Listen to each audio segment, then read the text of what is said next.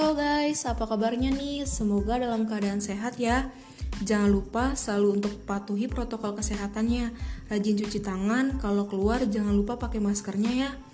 Juga jaga jarak, dan yang paling penting untuk selalu bersyukur. Semoga pandemi ini cepat berlalu ya teman-teman. Amin. Pertama-tama izinkan aku perkenalan diri dulu ya. Namaku Rahel, umurku 18 tahun, lahir tanggal 24 Oktober 2002 Asalku dari Jakarta.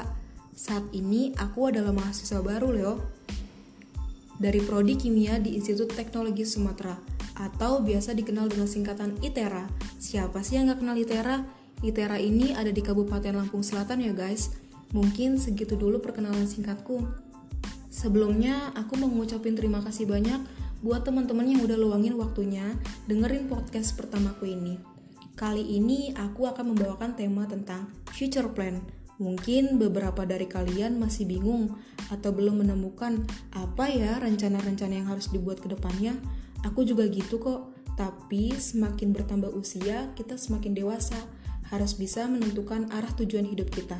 Nah, aku mau sharing nih, apa aja sih future planku? Planning pertamaku, aku ingin menjadi orang sukses di masa depan. Aku ingin lulus tepat waktu dengan IPK yang bagus, mendapat gelar cum laude, dan membahagiakan orang tuaku dan keluarga besarku.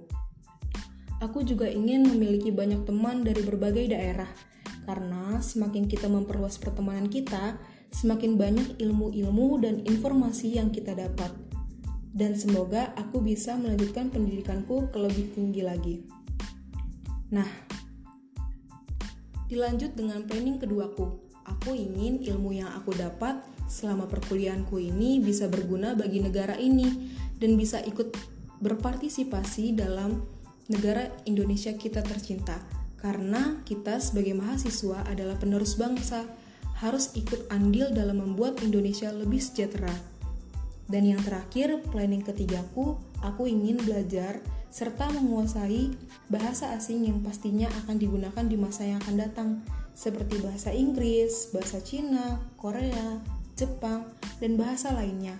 Harapanku semoga bahasa Indonesia bisa jadi bahasa internasional juga di masa depan. Tentunya segala rencana dan harapan-harapan yang kita miliki harus dibawa dalam doa ya guys.